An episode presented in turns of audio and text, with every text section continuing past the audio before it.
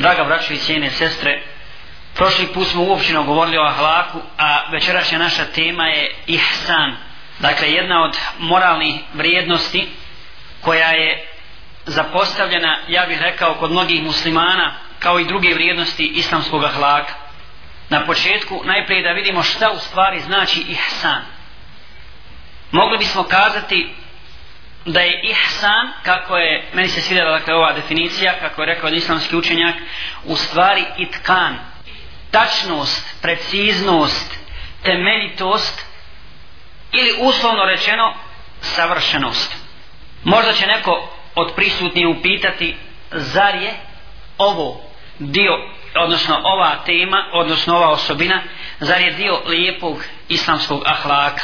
Svakako, braće i sestre, da je ova tema ili ova osobina dio islamskog ahlaka i da je islam posvećuje posebnu pažnju kako ćemo večeras vidjeti inša Allah. Jer ne zaboravimo da je preciznost u poslu, tačnost u poslu, osobina istinskih vjernika, ono dakle što bi trebalo da krasi svakog muslimana i svaku muslimanku jeste upravo ihsan.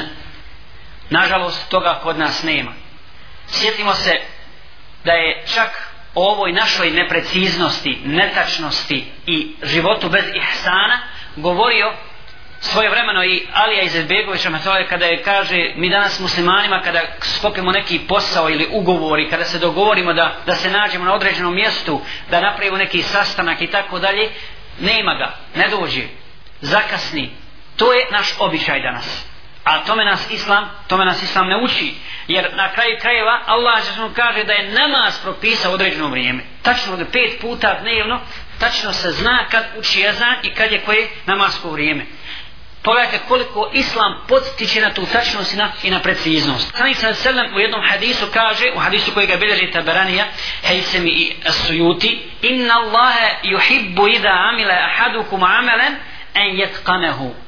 Allah subhanahu wa ta'ala voli kada neko od vas radi neko djelo dakle da ga temeljito uradi dakle bilo koje djelo koje je dozvoljeno odnosno koje je po islamu naređeno koje je dobro i korisno ako radiš to djelo Allah voli da to bude temeljito urađeno eto zar brate i sestro ne želi da te Allah voli ili zar mi ne želimo da nas Allah želešanuhu voli a ako to želimo a svakako da želimo onda bi trebali uljepšati naša djela, trebalo da naša djela budu precizna, tačna i temeljita. Zatim poslušajmo svi zajednički sljedeće kuranske ajete. Ja sam uzao nekoliko kuranskih ajeta koji se upravo dotiču ove teme o ihsanu.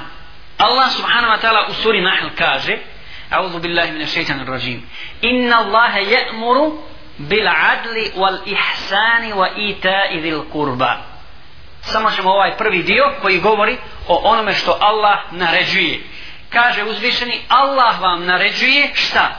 Pravednost i ihsan, dobročinstvo i da pomažete, odnosno održavate rodbinske, rodbinske veze. Da činite dobro svojoj rodbini. Dakle, šta nam Allah naređuje? Pravednost u svakoj situaciji. Ma o čemu se radilo? ma o kome se radilo makar i o našim najbližim rođacima o roditeljima, o djeci i tako dalje pravednost mora postojati kod muslimana ili makar s druge strane bio neprijatelj Allahu nevjernik ali ako je pravda na njegovoj strani u određenom sporu onda moramo podržati tu pravdu zatim ihsan to je dobročinstvo i robinska pažnja zatim u suri A'raf Allah Đelešanohu kaže u 56. ajtu inne rahmet Allahi karibun Allahova milost je blizu koga? minel muhsinin blizu oni koji su muhsini koji su? koji su dobročinitelji Dakle, milost Allahova je blizu dobročinitelja. Zatim, u suri Ar-Rahman, ono kaže, Hel jazaul ihsani illa ihsan. Zar je nagrada za dobro, odnosno za dobročinstvo, išta drugo osim dobro? Dakle, Allah Želešanu poručuje da je dobročiniteljima nagrada samo, samo dobro. Zatim, u suri Nah također, u 128. ajetu, uzvišeni kaže Inna Allahe ma'al ladine taqav wal ladine hum muhsinun subhanahu wa ta'ala je sa onima koji ga se boje, koji su bogobojazni, koji posluju takvalu i sa muhsinima, odnosno sa, sa dobročiniteljima. Dakle, onaj ko je dobročinitelj istinski, a mi smo vidjeli šta znači dobročinstvo i šta znači istinski ihsan, vallahi osjeća da je blizak Allahu subhanahu wa ta'ala i ko se Allahu subhanahu wa ta'ala boji.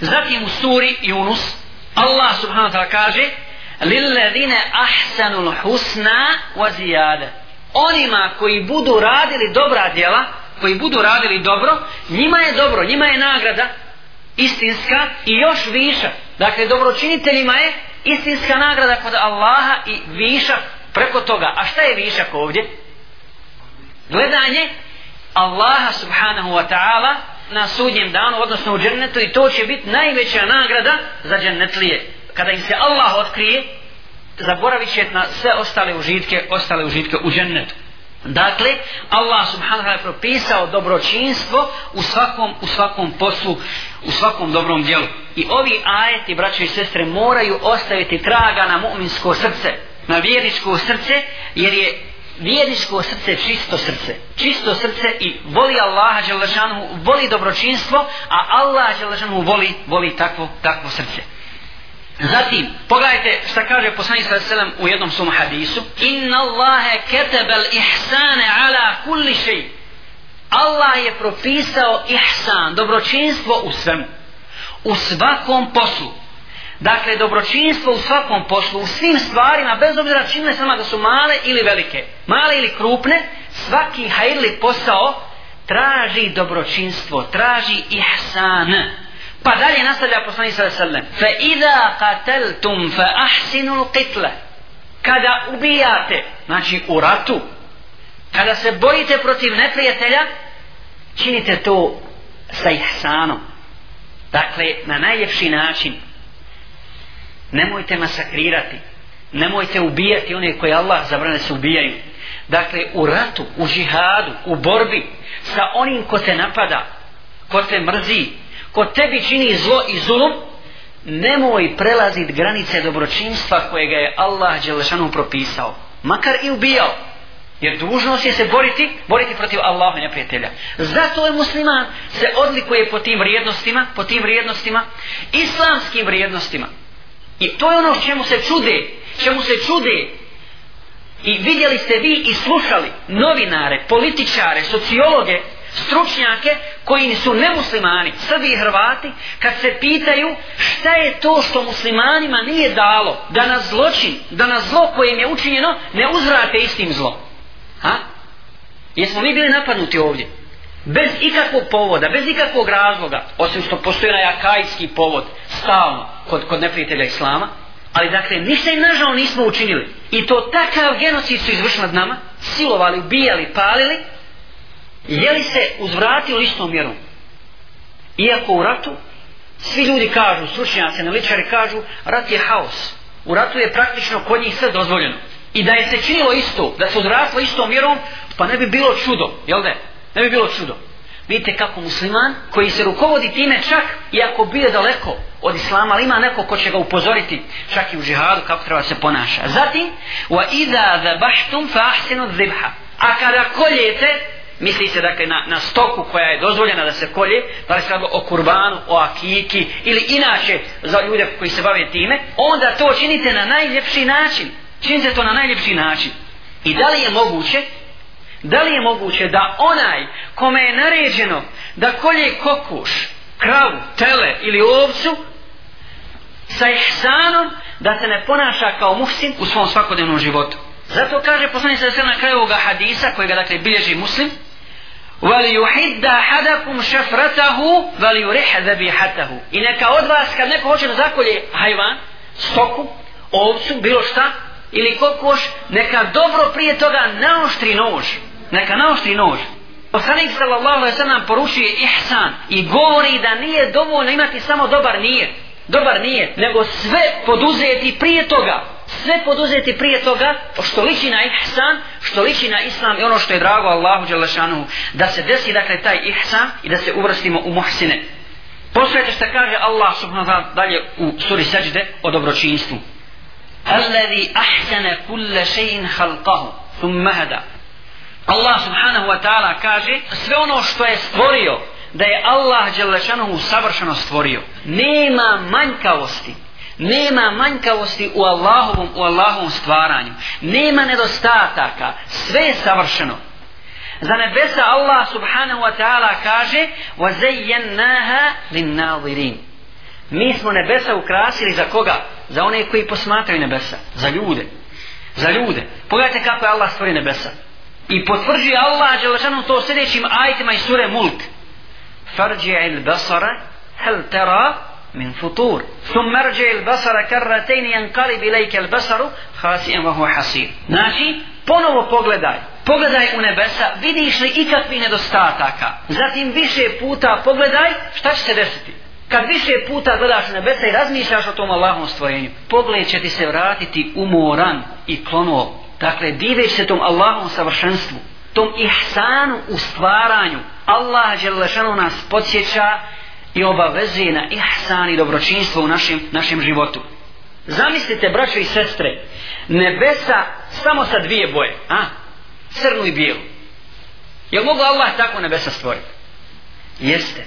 Ali pogledajte u kakvim bojama i s kakvim savršenstvom je Allah stvori nebesa i zemlju. I sa koliko katova i s kakvim stvorenjima s kakvim zvijezdama i sazvježima je ukrasio nebesa ovo prvo nebo koje mi vidimo koje je nama dostupno a kamo da ne govorimo o stvorenjima na ostalim katovima nebeskim zatim kad govori o čovjeku Allah subhanahu wa ta'ala kaže وَصَوْوَرَكُمْ فَأَحْسَنَ سُوَرَكُمْ i vama je oblik dao ljudima i na najljepši način vas uobličio va ahsane suvarakum sa ihsanom savršeni lik dao lik dao čovjeku u drugom ajetu sve ona poznat jel kaže uzvišeni laqad khalaqnal insane fi ahsani taqwim mi smo stvorili čovjeka u najljepšem obliku svugdje se spominje ihsan svugdje se spominje ihsan u ovim ajetima i hadisma koji smo proučili zato se sjetimo meni sjena se nam spominjao da li na ovom skupu i da ovdje na ovom mjestu ili negdje drugo ali nije na odme da ponovimo onu priču kada je onaj čovjek došao imamu maliku i kaže mu kaže mu ja sam se zakleo Allahom da ću pustiti svoju ženu ako mi je donese dokaz da je ljepša od mjeseca kad je u štapu. Dakle, kad je, kad je pun mjesec. Kažemo, ima malik, džabac se zakleo, ona ne može biti ljepša od mjeseca kad je u štapu, slobodno je pusti. Znači, moraš izvršiti tu naredbu. Pa mu je bilo teško i krivo, vraćao se kući, sretne imama šafiju. Pa mu kaže, što si tužan? Kaže, zaklao sam se Allahom da ću pusti ženu ako ne donese dokaz da je ljepša od mjeseca u štapu i pitao se mama malika, zato je on kaže, pusti, moraš ispuniti zakletu. Kaj ne moraš? Kaže imam šafija. Kaj zašto? Kaj je tvoja žena ljepša od mjeseca u štabu. Kaj e, šta ti je dokaz? Šta ti je dokaz? Kaj zar ne znaš da Allah zašto kaže da kad halaknem insane fi jahseni takvim. Mi smo čovjeka stvorili najljepšem obliku. najljepšem obliku. Pa se vrati ovaj čovjek imamu Maliku i kaže mu radostan, kaj ne moram puštat ženu. Što? Kaj zato što je ljepša od mjeseca u štabu. Ko? Gdje ti je? Otko ti dokaz? On pručio ovaj ajed, kaj u pravu si Malik je pogriješio. Pogriješio je, pogriješio ima Malik. Dakle, u pravu si za to. Zaista je Allah Želešanu stvorio čovjeka u najljepšem, u najljepšem obliku. Pogledajte oči, kako kaže islamski učenjak Zindani, e, pogledajte čovjekove oči kako je Allah Želešanu stvorio i gdje se nalaze. Pogledajte mjesto jezika, ušiju, nosa i tako dalje.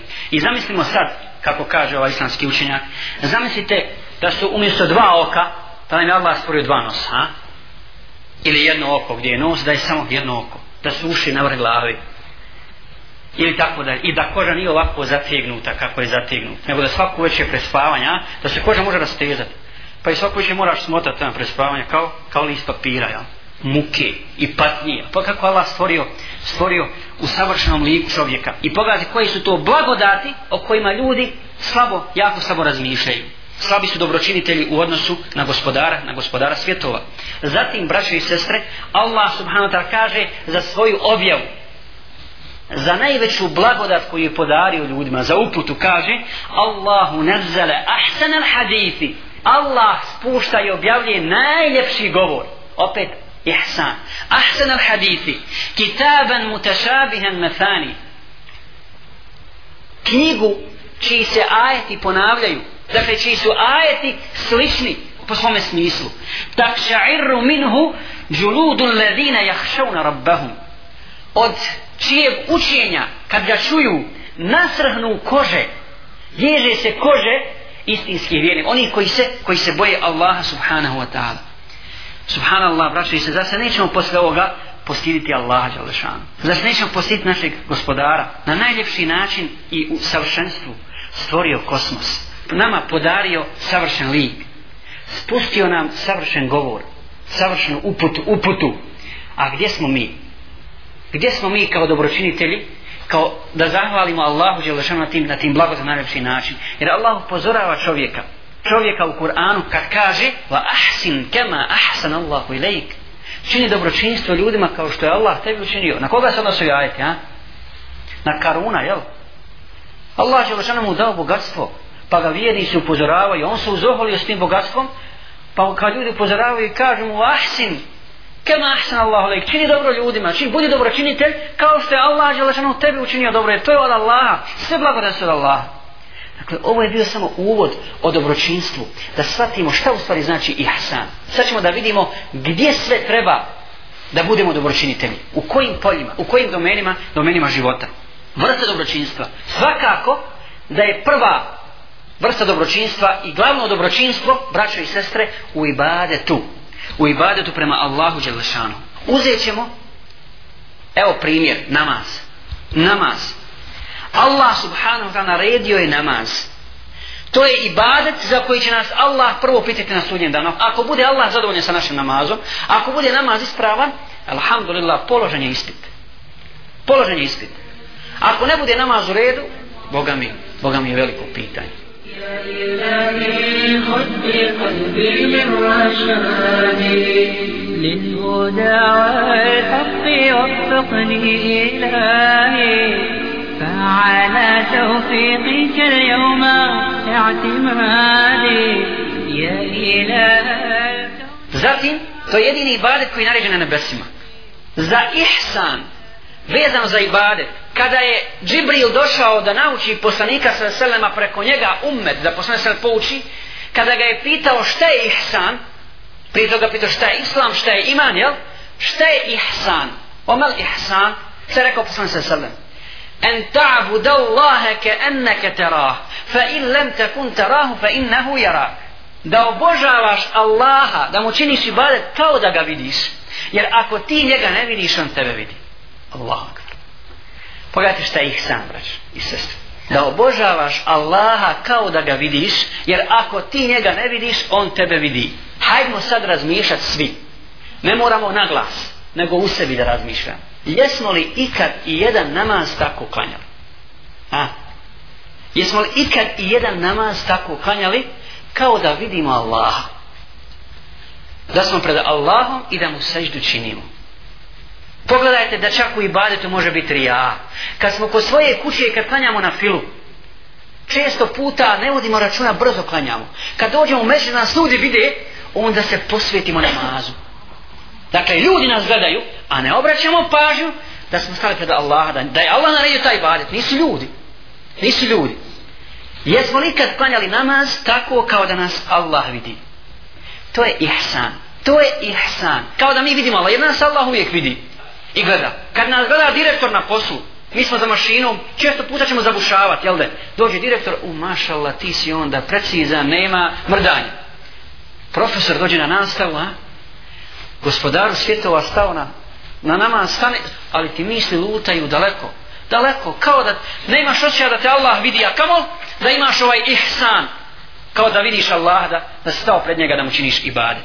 I hajmo sad sebi dati zadatak, da pođemo tako razmišljati o namazu i da tako uklanjamo namaz a samim tim i sve druge ibadete da činimo kad činimo u ima Allah subhanahu wa ta'ala ako bi to uspjeli vallahi braćo i sestre mi bili drugi ljudi potpuno drugi ljudi kada bismo tako obavljali namaz i tako izvršavali naše, naše ibadete svaki naš posao bio bi drugačiji koliko bili ustrajni u svakom poslu i na studiju i u poslu ako ga, ako ga radimo, u našim međusnim razgovorima, čak kad se šalimo jedni s drugima, kad razgovaramo, kad se susrećemo, kad se selamimo, dakle, kompletan naš život bio bi u znaku jasana i bio bi puno, da tako kažem, subtilniji naš odnos prema životu i onima s kojima mi sražujemo nego, nego što to jeste sad. Zatim, prema roditeljima ihsan, prema roditeljima, Allah subhanahu wa ta'ala, dobročinstvo prema roditeljima, odnosno taj ihsan, stavlja u svoje uzvišeno ime i kaže wa qada rabbuka alla ta'budu illa iyyahu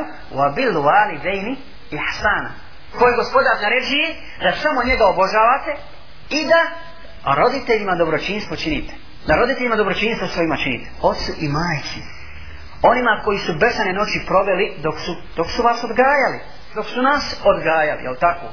da prema njemu budemo dobročinitelji. Kako se braće i sestre može pokazati dobročinstvo prema roditeljima, a zaista ga kod nas jako malo ne i kod retih ljudi je to dobročinstvo. Na onom nivou s kojim je Allah i Lašanohu zadovoljen. Wallahi, braće i sestre, pođemo od pogleda. Od pogleda, kad se sretneš sa svojim ocem i sa svojom majkom, dobročinstvo se može ogledati u pogledu. Hoćeš li blago ili ljutite i sredito pogleda svog oca i svoju majku zbog toga što je tebi neko nešto nažal učinio. Zatim, u govoru, hoćeš govoriti svojoj majici, obraćaš se blagim glasom ili ćeš podići ton kad te neko nešto isprovocira. Osmijeh, kad se vraćaš kući svojoj iz Sarajeva ili bilo dakle drugo sa svoga posla, dočekujete majka, hoćeš se nasmijet majci, hoćeš je poljubiti u čelo ili u obraz ili u ruku, hoćeš je donijeti hediju, To je dobročinstvo. Dakle, mnogo je tih aspekata dobročinstva prema roditeljima. I ne bi mogli nabrojati sviju. Ali mi malo imamo toga. Malo. Evo ja ću vam samo jedan primjer. Vjerujte, pogledajte koliko su, koliko su majke osjetljive. Posebno majke. I otac također. Ali roditelj, ne možeš majke ni se nažal učiniti. Jel da? Kakav god, kakav god. I islamski učenjaci kažu, pogledajte koliko je Allah milosti prema svim robovima. Uporedi to sa, sa stvorenjima, sa našim majkama. Jel da kaže kad majci bilo kakav grijeh učiniš, bilo šta nažal da je napraviš, majka oprašta, jel da? Sve oprašta, prelazi preko toga kaže da nikad ništa nisi uradio. A mi nismo takvi prema majkama. I kaj zamislite sad Allahu i milosti, Allah ima strama prema njegovim stvorenjima. Kad je takva majka, neće ti zamirit, ali hoće ostati u njenom srcu nešto. Jedna naša majka, želi se razgovarajući sa njom, dok sam bio imam, njen sin je intelektuala, završio je fakultet. I kaže, pitam kako je dolazili kući, kaže, dolazi sin. Fin je, dobar je. Ali evo, nikada me nije uvrijedio, nikada me ništa, nikakvu ružu neći nije rekao. Ali kaj, nikada mi hedio nije donio. Nekako to njoj teško i žali se, žali se zbog toga. Oni bogati ljudi. Imaju novca koliko hoće. Oni sa čina stipendirali. Dok je studirao, dok je... Ali eto, volila bi majka da je doneseš nešto. Znači, to je dobročinstvo da je iskažeš na taj način svoju ljubav i dobročinstvo prema, prema svojoj majci, prema svojim roditeljima. A zatim, dobročinstvo, braće i sestre, ja sam namjerno ovdje uzeo ne svu djecu, nego posebno žensku djecu. Dobročinstvo prema ženskoj djeci. Zašto? Zato što često puta ljudi zbog svog džehla, zbog svog neznanja, u životima našim prednost daju muškoj djeci. Muškoj djeci. A poslanje što se nam kaže, ja ne dajem prednost djeci jednim na drugima, a kada bi davao prednost, davao prednost ženskoj djeci da prema ženskoj djeci.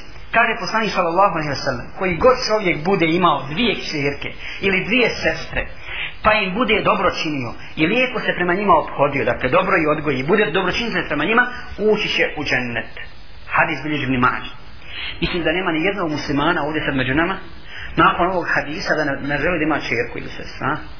Kogod, dakle koji god musliman bude imao čerke ili sestre, dvije, pa i odgoji fino, do udaje lijepo bude prema njima dobročinite ući će u džennet dakle kako dobročinstvo ajmo naučiti to dobročinstvo prema ženskoj djeci od poslanika sallallahu alaihi wasallam kaže spominje su predaji da nikada Fatima radijallahu ta'ala čerka poslanika sallallahu alaihi wasallam nije ušla kod poslanika a da on nije ustao da on nije ustao da nije poljubio da nije poljubio dakle koliko očeva danas to čini sa svojim čirkama skoro nikom skoro niko. Čak kada je oženio Ali radijallahu ta'ala, onda je njihova kuća bila malo dalje. Bilo malo dalje od poslanikove, stvarno se daleko, pa je poslanik sa srdem zamolio čovjeka koji je imao kuću blizu mesiva da mu proda tu kuću. Pa ga pita ovaj, zašto je Rasul, što će ti, što će ti moja kuća? Kaj prodaj mi je, jer ja ne mogu izdržati puno bez Fatimi. Ne mogu da živim bez nje, ako je ona daleko od mene. Dakle, pogledajte dobročinstva i ihsana i subtilnosti, a vidjet ćemo i svi ostali aspekata koji ćemo, koji ćemo momenti. A kod nas je učio poslanik sallallahu alaihi wasallam. Također, braćo i sestre, dobročinstvo u raspravi. U raspravi. Kad raspravljamo sa ljudima, da li se radilo o vjeri, o Allahovoj istini, da li se radilo o muslimanu kojim stvari neke nisu jasne, ili o kršćaninu, ili o židovu, a? Kaže Allah subhanahu wa ta'ala: "Vajadilhum billati hiya ahsan." sa njima na najljepši način raspravljati. S kim? Sa ehol kitabijama. Sa ehol kitabijama. Sa židom i sa kršćanima. Kad govoriš o Allahu istini s njima, ne da ti bude cilj da ga uvrijediš, da ga poniziš, da se oholiš pred njim, da likuješ kad ga poraziš, kad vidiš da on nema argumenta, da nema dokaza. Ne, nego ti je cilj da on primi istinu. Da prihvati Allah u istinu, to ti je bolje nego najbolje sad od Eva, kaže sam sada. Samo jedan tvojim sebebom, tvojim uzrokom, samo jedan čovjek prihvati istinu. A kamoli, a kamoli visi. Dakle, malo kome se radilo i nemoj, nemoj biti od onih koji će, koji će biti grubi, grubi u razgovoru. I nećeš nikada reći kakve su ovo gluposti, ovo je neistina, ovo. Dakle, nego kad razgovaraš s čovjekom pa vidiš da on iznosi te ne, neke glupost, neki absurd, kažeš ja se ne slavim s tobom. Ja ću ti izdje dokada zašto se ne slavim s tobom. To je edeb, to je edeb. A ne kazat, bježi, pusti pričaš gluposti čovječe. Ti valjaš, nećete sasratno da čovjek, to nije dijalog, to je vrijeđanje. Kada je Utbe ibn Rebija došao poslaniku sallallahu alaihi wa sallam u Meku, u najtežem trenutku njegovog života i dave, najtežem trenutku za muslimane, došao je da ga ubjeđuje, da ostavi davu, da ostavi to što je započeo. Pa mu nudi žene, bogatstvo, vlast, kažemo ako si bolestan najbolje ćemo ti ljekara, naći na dunjaluku, zlata ćemo ga platiti, samo zato da te izliči. Čak ga vrijeđa, to je cinizam, znaš, u razgovoru, kad vidi čovjek da hoće čovjek da te odvrati od onoga što slijediš, pa često puta se tako ponaša, se sinije te posmatra i gleda, jer vidite samo, usamljen si. Na. Poslanik sallallahu alaihi ve sellem nije progovorio ni jednu riječ dok je on prišao, a toliko ga vrijeđa, toliko ga boli što taj mušik na takav način nastupa. Šta je rekao? Kad je došao da govori, rekao sam na sallam, kuli ja abal valid reci što imaš o abul valid reci što imaš kada je završio sve svoje ponude iznio što je rekao poslani sallam efarahte ja abal valid jesi li završio abul valid e jesam e sad ti mene slušaj ja sam tebe slušao poslani sallam ne bi pogriješio da ga je prekinuo u pola njegovih glupih riječi jer su bile i glupe i uvredljive i drske ali ga je sad slušao do kraja i onda mu citira ajete ajete koji su njega potpuno promijenili. Nije posto muslima, ali se vratio drugačiji kad se vratio među mušlika, toliko se bio uzemirio kad vratio, vallaha i vraćao se drugačiji nego što si otišao. Drugačiji tvoj izgled, tvoje lice nego, nego kakav si bio kad si otišao. Dakle, poslanik nas uči kako ćemo voditi dijalog s drugima, a vallaha, zbog toga, če, evo ja sam sinovi na jednom sjelu, gdje se naši muslimani žale na naš način dijaloga i razgovor s muslimanima. A kamo se nevjernicima? A kamo se nevjernicima? Zašto grubost? Zašto grubost? Zašto drskost? Zašto vrijedanje čovjeka ako nema dokaza? Ako radi nešto što nije kako sa sunnetom? Gdje je lijep edep? Prema vratu muslimanu, prema sestri muslimanu. Wallahi musliman kad radi posao, radi go ima Allaha. A onaj ko radi u ime Allaha mora biti muhsin. I ako nije takav, znači onda ili mu fali kućne kulture, osnovljene kućne kulture, ili mu fali, svakako mu fali ovog islamskog odvoja, islamskog, islamskog ahlaka. Također, u govoru, u svakodnevnom govoru, Allah nam naređuje da lijepo govorimo i kaže وَكُلِّ عِبَادِيَ قُلُ لَتِهِ أَحْسَنُ Reci mojim robima neka govori lijepe riječi. Ahsan. Ihsan dakle. Izaberi najblaži, najslađiji, najljepši govor. Za svakoga. Za svakoga. Tako ćeš biti daje. Takav si daje. Svojim ponašanjem, svojim govorom, svojim odnosom prema ljudima. Ti kreniš pažnju. Ne možeš vallaha i nikog silom upući na pravi put. Ne možeš grubošću. Je li tako da ne može? I ne, možeš nekom nametnuti sebe kao autoritet. Autoritet se stiče, on se ne nameši. Jer tebi nije želja da budeš kao autoritet. Nego želja ti je da Kur'an i Sunnet budu autoritet svim ljudima. I da ljudi prihvate, prihvate Allahu, Allahu istinu. Pogledajte, braćo, primjera s jednim ashabom koji se zvao Zahir. Bio je čovjek koji je bio jako strog i odbojan. Ljudi su bježali od njega. Bio je jak vjernik, čvrst vjernik, ali vrlo grub i nepristupačan vrlo grubi nepristupačni. A sahabi, dakle, nisu voljeli sa njim da se druže. Međutim, poslanik sallallahu alejhi ve sellem je prema njemu bio jako blag i pored te njegove osobine. Jednoga dana sreo ga je poslanik sallallahu ide ulicom i prišao mu poslanik sallallahu iza leđa. Zatvorio mu oči. I on normalno pošto posjeduje tu grubu osobinu, rekao je, ko je taj se drzne da mene tako vata iza leđa, pusti me. Poslanik sallallahu je pustio i nasmio se. Kad je vidio ko je bio taj komu je stavio ruke na oči, rekao je, tako mi Allaha ničem se ne bi obradovao ja Rasulallah, da me dodirne ko dodir svojih ruku. Zatim ga je poslanik sa selem uzeo za ruku, ljudi prolaze ulicom i on se šali sa na umire na jedan lijep način i kaže, ko će kupiti ovog roba? On nije bio rob, bio slobodan čovjek. Kaže ovaj, da pa sad, ja na svoj tako malo vidim u svojim očima. Za tako malo vidim ko rob? Kaže, a vallaha si kod Allaha skupu. Wallahi se kod Allah. Hoće da, da mu istekne u drugu osobi njegovu bogobojaznost, njegov iman i da na taj način pokuša da utiče na njega. Kaj jes, nisi ti nikod ne jefti, ali hoće da kaže da si kod Allah skup. I to je bitno, i to je važno. Te moraš popraviti taj svoj ahlak, ne smije biti grub prema ljudima. Poslani se sam ga odgaja i uči. Dakle, to je za nas primjer kako treba se ponašamo u dagu. Allah kaže, udu ila se bide rabike bil hikme. Pozivaj na put svog mudro, mudro, kako još?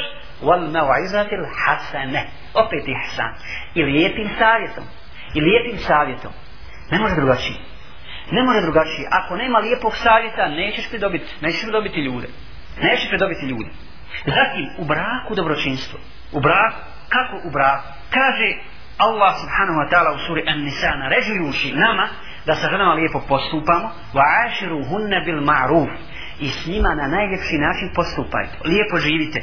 Kažu islamski učenjaci u tefsirovoga ajeta, braćo i sestre, posebno ovo upozoravam, braćo, nas, muškarce, ovo ne znači kad je da činiš dobročinstvo ženi kad ona tebi čini dobročinstvo.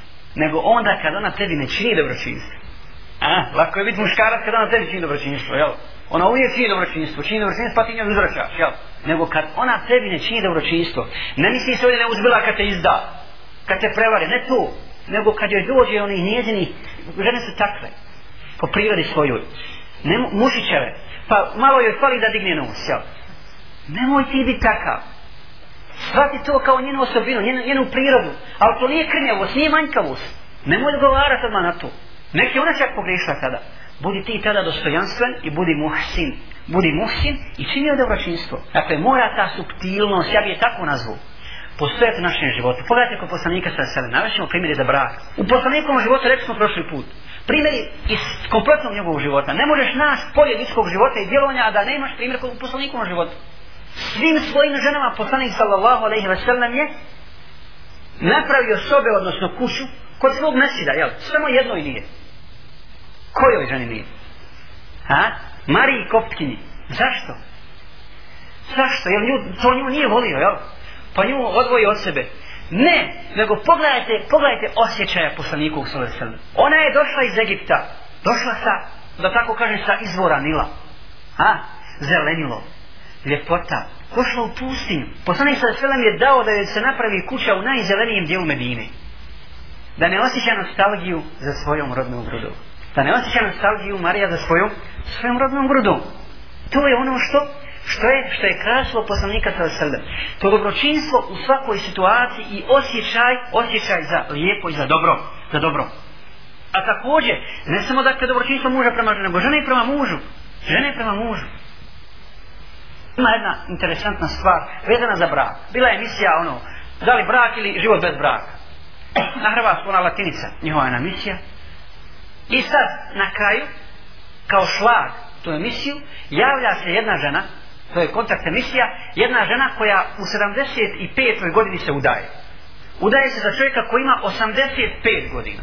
Obo dvoje su visoko obrazovani. On je sudija, sudija u Hrvatskoj, u penziji je, ali i sad ide na one porote njihove tamo, i sad ga paze i, i čuvaju, drže na njegovu mišljenja, iako je u penziju.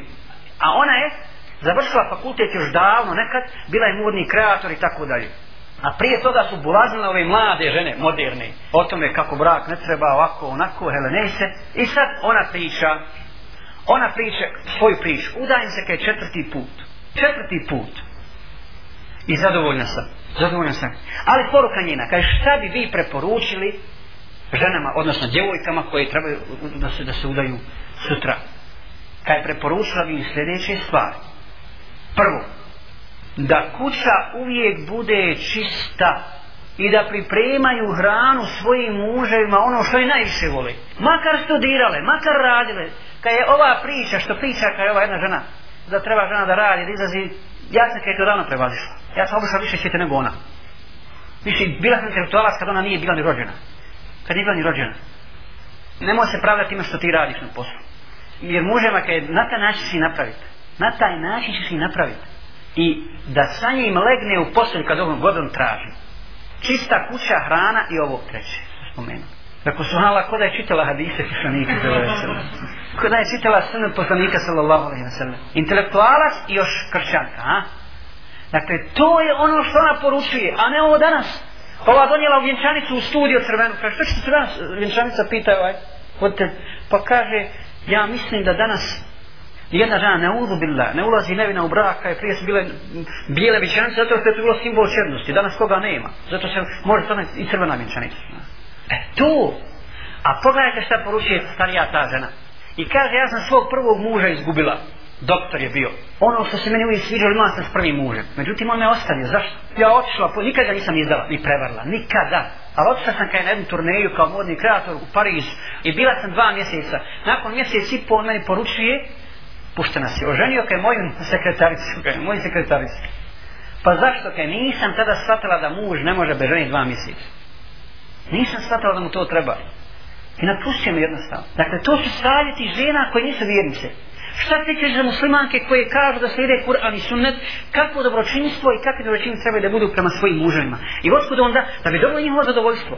I da bi brak bio harmoničan, da bi bilo, da bi bilo sve u redu. Dakle, prema svakome a posao prema ovim kategorijama koje smo spomenuli islam naređuje dobročinstvo dakle čak prema hajvanu kako smo rekli poslanik sa sebe vidio čovjeka kako je povalio ovce da je kolje i stao nogom na njem vrati no, oštri nož kažem poslanik sa šta to radiš što radiš zašto nisi dobročinitelj prema hajvanu i kažem poslanik sa sebe zar želiš da ubiješ ovce dva puta dva puta je ubijaš ima ona duš osjeća da će je zaklazno Kaj pa ja sva, kako si postupiti? Kaj što je prvo na ošće nož, pa je onda zakon. Dakle ubijaš dva puta hajvan. Zato smo stari govorili, evo kad hoćeš da kolješ kurban, sakri nož dok ne dođeš, dok ne dođeš držati pa, pa onda, bismillah Allah.